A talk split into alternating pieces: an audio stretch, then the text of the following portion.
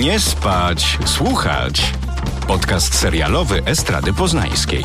Zapraszają Pat Tomaszewski i Kuba Wojtaszczyk.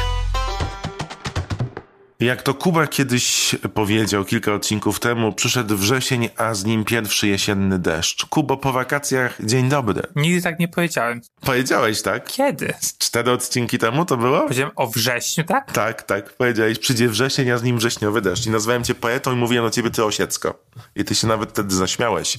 A raz na dziesięć podcastów się śmiejesz, więc zapamiętałem. To niemożliwe. Dzień dobry w nowym odcinku Nie Spać Słuchać. Kubo, buchasz jak wulkan entuzjazmem. Mhm, jest 8.40, nie, bucham, nie bucham niczym. Złością chyba tylko. A skąd ta złość u ciebie, w tobie, w środku, w kubie? O Jezu, daj spokój. O czym dzisiaj postaramy się powiedzieć, jeżeli Kuba się uspokoi. E, Jestem bardzo spokojny. Znowu dostajemy serial, który wpisuje się w takie, nie wiem, wchodzi w takie kole inne, po, powiedzmy, takich seriali jak na przykład Shrill e, z Amy Bryan, o, której, o tym serialu, o którym nigdy nie mówiliśmy, ale też na przykład e, tym serialu z e, High Fidelity, albo z tym, pamiętasz ten serial HBO Max z mm, Anną Kendrick? Tak, Love Life nazywał się. No, no właśnie. I on też jest w, w takim, no nie wiem jak mam to nazwać, w takim nurcie, że po prostu mamy jednego bohatera, czy bohaterkę i podążamy, jakby kamera podąża cały czas z, za nimi. Za, za tą postacią. No i też taki jest Mr. Corman, e, pan Corman na, na Apple TV+. Raise your hand if you think you're a lucky person. It just feels like I blew the whole thing, like I suck as a person. Nothing is perfect. I don't know why that's so hard for you to see. nowy serial, który od kilku tygodni nam towarzyszy, na, również na polskim streamingu, że tak naprawdę nie widzimy pozostałych bohaterów, w sensie widzimy, ale jakby nie podążamy za nimi, ale skupiamy się w dużej mierze na tym głównym, na tej głównej postaci. Nie wiem, czy też miałeś takie wrażenie, że rodzi się poniekąd jakiś nowy, nie wiem, czy gatunek to może za dużo powiedziane, ale taki mm, sposób e, prezentowania, no nie wiem, narracji. Pan Korman brzmi jak pan Tadeusz trochę dla mnie. To jest amerykańska wersja pana Tadeusza. To bardzo podobne. Tak. Nie wiem, czy ja na to patrzę w ten sposób. Wydaje mi się, że fajnie powiedzieć, że mamy serial, który skupia się na bohaterach, których łatwo w sobie odnaleźć. Zwyczajnych, bez jakichś super elementów. Nie miliarderów, milionerów, którzy mają problemy życiowe w operowaniu polami naftowymi, tylko są to bohaterowie i bohaterki, z którymi łatwo nam się utożsamić, ponieważ mają podobne problemy albo przeżywają podobne rozterki. Za, jak zauważysz, to te wszystkie seriale, które właśnie są w takim formacie zrobione, one mają z reguły pół godziny, są określane jako dramedie, ale w większości są dramatami i z reguły są takimi showcase'ami, czyli pokazują i rzucają światło na jedną aktorkę, aktora, który po prostu tam błyszczy i poznajemy świat z ich perspektywy. Taki niełatwy, nieróżowy świat, w którym funkcjonują. Ja to tak bym powiedział, że tu widzę taki wspólny mianownik. I jeszcze takim serialem jest na przykład Physical z, e, Tak. z jak on się nazywa? Z Rosie Byrne. Rosie Byrne, też na Apple'u i wydaje mi się, że to, e, znaczy, co wszystkie je łączy, nie licząc e, High Fidelity, bo to jest trochę może inny, to to, że opowiada o białych ludziach. Więc jak na to tak spojrzeć trochę, to coś w tym jest, e, bo dostajemy serial, który w dzisiejszej atmosferze takiej społecznej, bym powiedział nawet polityczno-społecznej, jest dosyć niewygodny, ponieważ pan Corman opowiada... his- Jak to brzmi w ogóle? no, Mr. Corman opowiada, opowiada historię, on się nazywa Josh, Tak, Joshua Corman. którego gra Joseph Gordon-Levitt i Jos- Joseph Gordon-Levitt wyreżyserował większość odcinków, napisał scenariusz w większości i jest też pomysłodawcą całego tego serialu.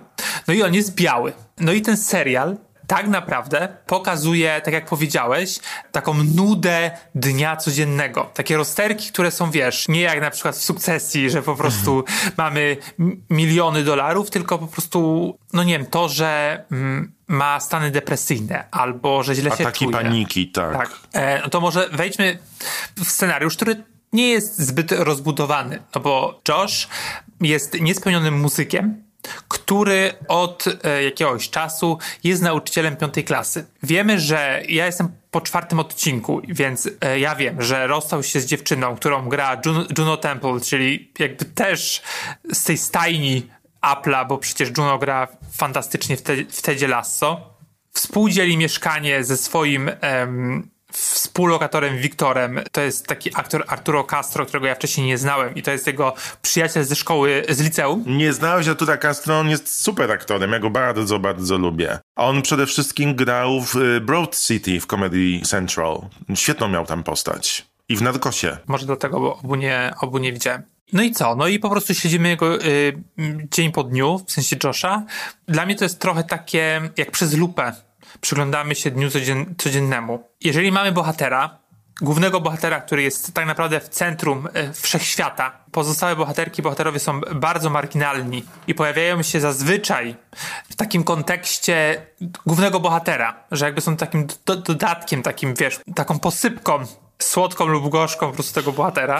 Cukier, Kuba cukiernik dzisiaj. To musimy mieć taką postać, która jest charyzmatyczna na pewno, ma coś w sobie takiego, że no przyciąga cię, że chcesz oglądać tą codzienność. No i teraz pytanie, czy Josh Corman w wykonaniu Josepha Gordona Levita. Oczywiście to, to, że podobieństwo tych jakby imienia i nazwiska jednego do drugiego, to pewnie ma bardzo dużo wspólnego, do czego pewnie jeszcze wrócimy. Czy Josh cię pociąga, jego historia cię pociąga na tyle, że chcesz śledzić jego losy?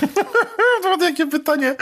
Znaczy, ja nie mam tak, że musi być fascynujący bohater, bo chyba nie o to tu chodzi w, w serialu Mr. Corman, po polsku Pan Corman. Musi mieć coś w sobie, co chcesz te 30 minut, y, czy to wychodzi co dwa odcinki chyba co tydzień, no to y, tę godzinę powiedzmy w tygodniu z nim spędzić. Ja powiem tak, mnie bardzo zainteresowało, bo on odbiega od innych produkcji, które na co dzień oglądam. Ma piękne zdjęcia i cały czas jak oglądałem pierwszy odcinek zastanawiałem się o czym będzie to serial, bo specjalnie nie zobaczyłem zwiastuna, nie czytałem, chciałem się zaskoczyć. No i zobaczyłem ten pierwszy odcinek, który jest opisywany jako półgodzinny komediodramat. No nie zaśmiałem się wiele razy. Odkryłem, że bardzo tak jak z Physical, właśnie mamy do czynienia z taką, ty to ładnie nazwałeś, lupą. I teraz, czy warto pod tą lupę zajrzeć? Od razu po tym pierwszym odcinku zobaczyłem sobie materiały z zakulis, w tym wywiad właśnie z Josephem Gordonem Levitem, który mówi, że specjalnie nazwał Joshua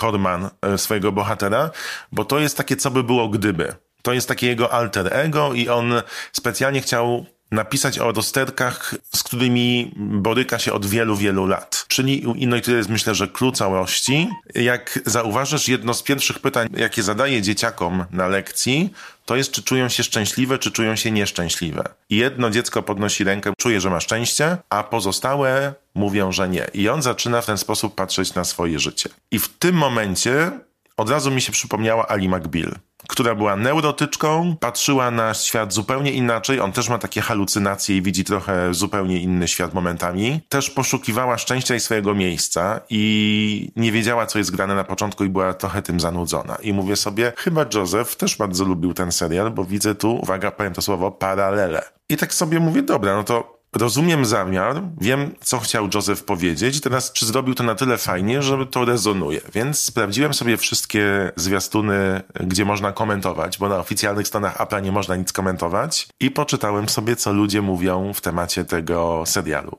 I powiem ci, że jestem bardzo zaskoczony, bo większość głosów, jak sobie poczytacie, o, wreszcie serial, po którym dostanę e, ataku paniki, albo wreszcie serial, który wrzuci mnie w kryzys egzystencjalny, albo matko, jak się, ja się tak czuję jak ten gościu na ekranie. I wydaje mi się, że przez to, że mamy taki natłok emocji w różnych innych produkcjach, od akcji przez komedię, to rzeczywiście bardzo wyróżniają się te wszystkie seriale, w których po prostu opisujemy życie codzienne i zobacz sobie na te sceny, gdzie on rozmawia z tym Arturo, z tym swoim przyjacielem. To są długie sceny, gdzie gadają właściwie o takich prostych rzeczach. I jakoś mnie to urzekło, powiem ci. No ja mam tak połowicznie, ponieważ wydaje mi się, że ten scenariusz jest trochę taki niedorobiony, bo w wielu miejscach y, próbuje być krytyką przywileju, białego przywileju, czy nawet takiego i też takiego y, męskiego przywileju, takiego, że on jest taki trochę woke, obudzony, że trochę inaczej podchodzi niby do dziewczyn, że jeżeli chce iść na podryw chyba w pierwszym czy drugim odcinku, no to może nie do baru, bo to się zawsze źle kończy, ale jednocześnie tak naprawdę to jest takie bardzo powierzchowne, że y, nie zagłębiamy się w to wszystko. Jego mm, świadomość przywileju i bardzo mi się to od razu skojarzyło z Białym Lotosem. Po prostu ten przy, przywilej jest jakby on sobie zdaje z niego sprawę, ale jednocześnie nic z nim nie robi. I to jest trochę takie przykre. Przykre dlatego, że to jest błąd scenariuszowy. No bo mamy z nim sympatyzować z tym chłopakiem i, i jakby twórcy i twórczynie chcą, żeby tak było, a jednocześnie no, no gdzieś tam się pojawia jakiś taki zgrzyt i to nie jest zgłębione. I to na przykład bardzo fajnie widać w odcinku czwartym, który jest poświęcony właśnie tylko Arturo. Ten odcinek jest super. Nie dlatego, że, że opowiada o niebiałej postaci, ale dlatego, że jest świetnie napisany, bo, e, bo Wiktor jest takim kurierem, lubi swoją pracę, ma byłą żonę, którą ma nastoletnią córkę, trzynastoletnią i się e, nią zajmuje w weekendy. Ta relacja jest świetnie nakreślona i ten Gordon Levitt się pojawia tylko tam w jednej scenie, a cały jakby ten 30 minut jest poświęcony właśnie Wiktorowi. To jest bardzo fajne, jest zabawny, ten aktor jest świetny i tam wszystko gra. A w tych wszystkich e, momentach, kiedy się pojawia Korman, to jest wszystko bardzo ciekawe. Ja jakby sympatyzuję w wielu, wielu miejscach. Na przykład, wiesz, on tam próbuje, no ewidentnie ma jakąś taką deprę i tylko się budzi w momentach, jak jest w szkole z tymi dzieciakami, a poza tym, no to jednak jest bardzo mocno przygnębiony, ale jednocześnie nic z tym też takim tym przygnębieniem nie robi za bardzo. Pojawiają się w serialu, nie wiem ile ty widziałeś odcinków. Ja widziałem dwa. Tam są takie momenty, takie odczapy że na przykład coś z kreskówki, coś z papieru masze zrobione. Jest, w trzecim odcinku jest musical, a propos któregoś naszego odcinka o, e, o musicalach, że... O Szmingera Gadedonie. Tak, że jakby, też na Apple'u, e, że Gordon Levitt śpiewa e, ze swoją filmową matką Debrą Wingę. No jest to dosyć ciekawe. No mówię, to są te momenty, które mi przypominają Ali McBeal właśnie. Takie odrealnienie, nie? A, no widzisz. No, no, to jest ciekawe, to jest ciekawe zagranie.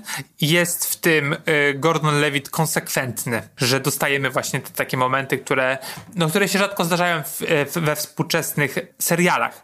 Ale z drugiej strony mam też tak, że jak odpalam kolejny odcinek, no to wiem, że coś takiego od czapy będzie. Mhm. Nie to, że na to czekam, bo ja nie, nie jestem fanem takich upiększeń, aczkolwiek taka sama świadomość, że to będzie, już mnie nie zaskakuje.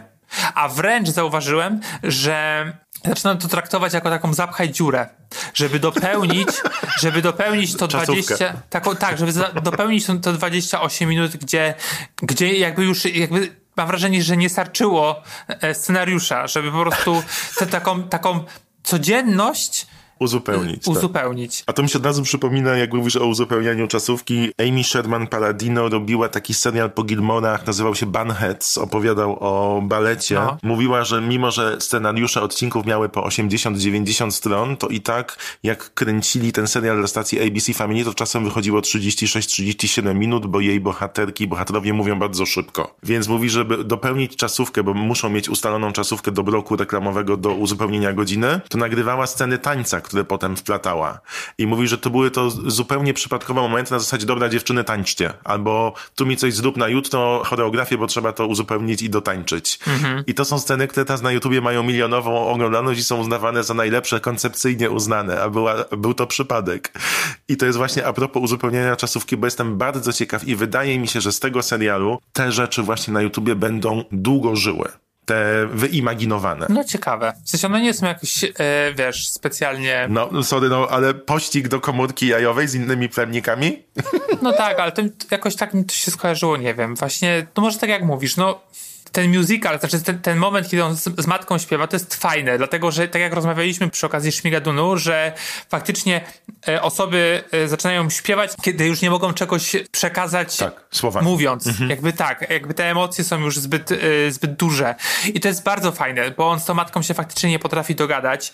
Okazuje się, że w ogóle ona od roku ma Nie spoileruj. no to są małe spoilery, bo, bo właśnie o to chodzi, że te To są spoileriki? Bo o to chodzi, że tego serialu, jakby taki, tego typu seriali nie można popsuć. Tak naprawdę, że ona to nie jest pogłębione. Jak spojrzysz na te wszystkie seriale, gdzie mają właśnie tak samo physical, to też jest jakby mój główny przytyk do tego serialu, że pojawia się jakiś wątek, który w takim długim serialu 40-minutowym byłby zgłębiony. Mógłby być nawet, e, wiesz, zmienić narrację czy sposób myślenia e, głównej bohaterki, głównego bohatera.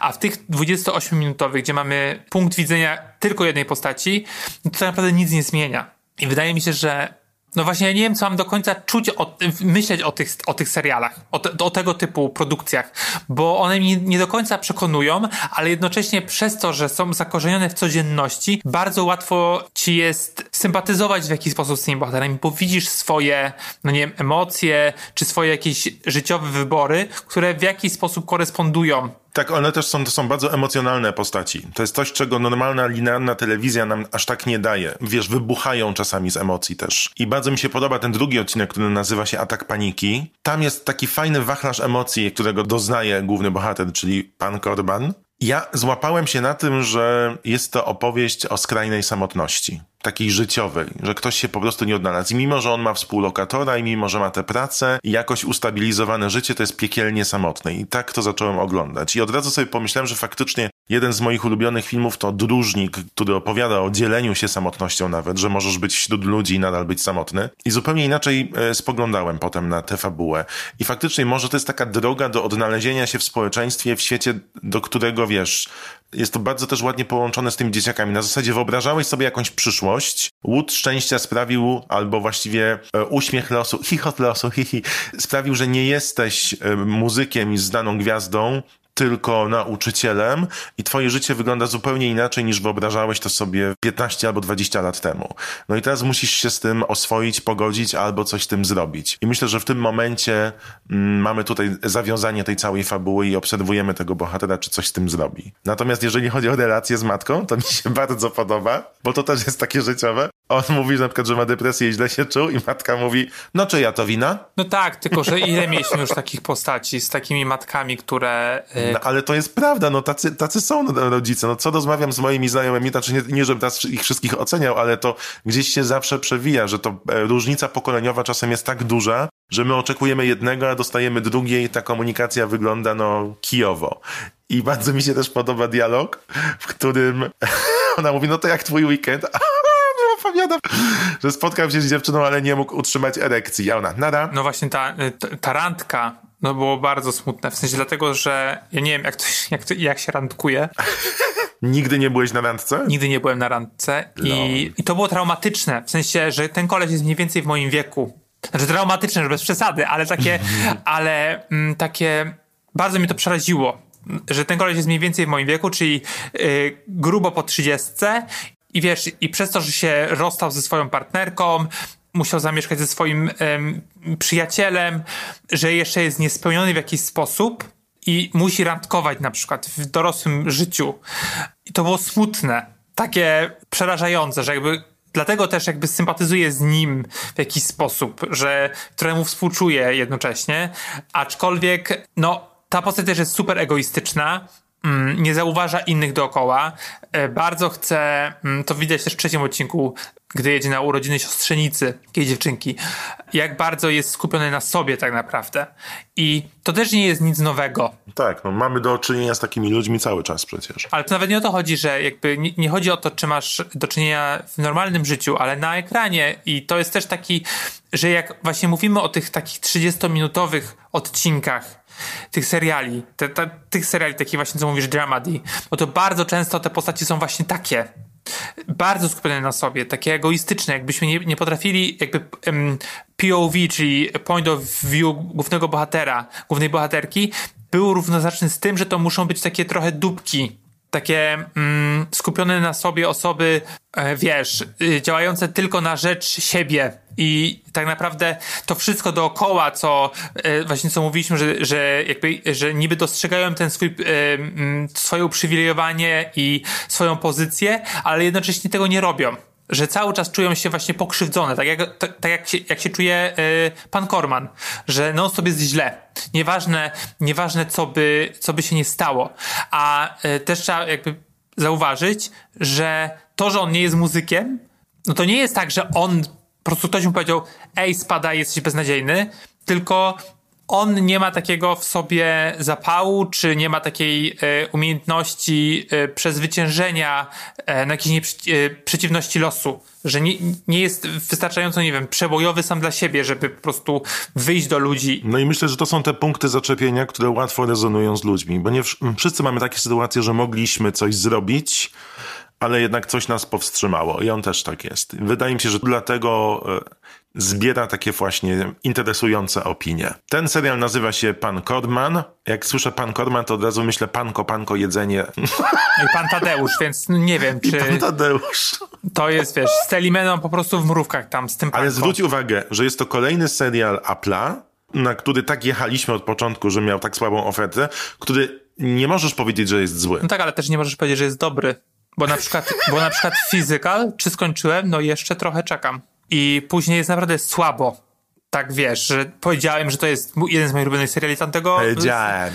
Powie- powiedziałem, że to jest jeden z moich ulubionych seriali tamtego um, półrocza, a tak naprawdę teraz bym, no myślę, że powiedziałbym, że coś innego. Widzisz, a tak mnie wyzywałeś, a tak mnie wyzywałeś, że powstrzymuję się od oceny serialu Physical. Ja to przeczuwałem po prostu. I ma momenty, aczkolwiek przez te 30 minut, nawet nie o to chodzi, że się nudzę, ale mam takie wrażenie naprawdę.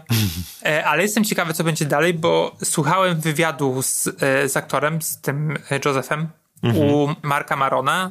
Zresztą bardzo fajny wywiad. Tak, bardzo fajny wywiad. I ten serial w pewnym momencie był kręcony już w pandemię. I postanowiono tę pandemię wprowadzić do, em, do serialu. Faktycznie te wczes, ta wczesna faza COVID-u pojawia się, nie wiem czy w przedostatnim już odcinku, czy ostatnim. Jestem bardzo ciekawy, jak to zostało zagrane. Tym bardziej, że po pierwsze, mm, on będzie tam właśnie przechodził tę kwarantannę w tym mieszkaniu. Zakładam, że razem ze swoim współlokatorem, ale przez to, że on też jest nauczycielem, jestem ciekawy, czy to zostanie w jakiś sposób rozwiązane. No, to interesujące, to prawda. No, no generalnie okej, jakby w sensie, no można to sobie zobaczyć na spokojnie. Jakby nie jestem jakoś hura optymistycznie do tego nastawiony, bo spodziewałem się Chciałeś więcej. More, bardziej, nie more, more. rozwiniętego. Ale, ale no wiesz, no Apple jakby faktycznie ta jego oferta na jesień e, zapowiada się wspaniale. Tak. A wiesz, że w drugim sezonie... A to nie mogę powiedzieć jeszcze. Chciałem powiedzieć o polskich akcentach w serialach Apple'a, a są takie. Nawet, y, ale to mogę powiedzieć. W sierpniu, tuż po zakończeniu zdjęć do serialu Kowalscy kontra Kowalscy, Piotr Adamczyk poleciał do Stanów, by wziąć udział w trzech serialach. Jak będzie nam dane, to zdradzimy wam, gdzie dokładnie zagra. A Tomek Kot zagrał w For All the Mankind w drugim sezonie. Kogo? Rosjanina. Nie będę zdradzał. Natomiast coś się dzieje, że ta oferta zaczyna być interesująca i chyba zwracają uwagę też na scenariusze tych seriali. Trzy osoby mi powiedziały, że na Apple jest bardzo ciekawy serial Teheran, nazywa się, z aktorami, których można kojarzyć z Homeland. Ponoć wreszcie jest oddane poletko nie na Amerykanów, tylko właśnie na mieszkańców e, danego regionu. I mamy też do czynienia z historią szpiegowską, także fani Homeland mogą być e, zadowoleni. Ja obiecuję, że zobaczę i powiem, dam znać, czy warto. A tymczasem serial Codman pojawia się co jakiś czas na Apple TV, dostępnym również w Polsce. Kubo, czy chciałbyś jeszcze coś polecić? Co piątek się pojawia. E, Co chciałbym polecić? Czytam powieść Quentina Tarantino Once Upon a Time in Hollywood. Jest to powieść napisana na podstawie scenariusza do filmu. To jest rozszerzony scenariusz. Ja y, słucham tę powieść w postaci audiobooka, którego czyta Jennifer Jason Lee. O matko, to, O musi, być, o to musi być koszmarne. No jest to ciekawy zabieg. Książka jest fajna. Ja najbardziej oczywiście lubię Cliffa, czyli, e, czyli tego bohatera granego przez Brada Pitta, pomimo, że jego, Tak, kaskadera. pomimo, że no jakby jego podejście do kobiet i generalnie do ludzi jest dyskusyjne. I miło mi się do tego wraca. Ale zauważyłem, że jak czytam, wiadomo, że Tarantino jest miłośnikiem kina i takim, po prostu jest fanem, jest też takim znawcą. I informacji na temat filmów, reżyserów, takiej historii e, Hollywoodu jest w tej książce bardzo dużo i czasami mnie to, yy, czego nie było w filmie i aż tak, i to mnie bardzo wyrzuca z narracji. To jest uważam za minus, aczkolwiek fajnie to się czyta, bo też ta książka jest tak wydana, bo czytam po angielsku jak taki em, już takich książek nie wydaje, że po prostu w jednej ręce trzymasz, kieszonkowa y, edycja, bardzo fajnie wydana. Quentin Tarantino w wielu wywiadach mówił, że to jest jego ukłon w stronę książek, które kiedyś można było kupować na stacji benzynowej, które zawierały reklamy filmów i książek i były taką krótką lekturą na czas podróży po Stanach. No, no i też taka jest. No jest to ciekawe. I to czytasz teraz, jak to się nazywa po polsku, dawno temu w Ameryce, pewnie niedługo będzie już w polskich wydawnictwach. Ty czytasz po angielsku, ja słucham po angielsku, dam znać jak skończę, ale chciałbym polecić inną rzecz. Na Netflixie jakiś czas temu zadebiutował serial dokumentalny, właściwie drugi sezon serialu The Movies Movies That Made Us, w którym twórcy w bardzo taki współczesny,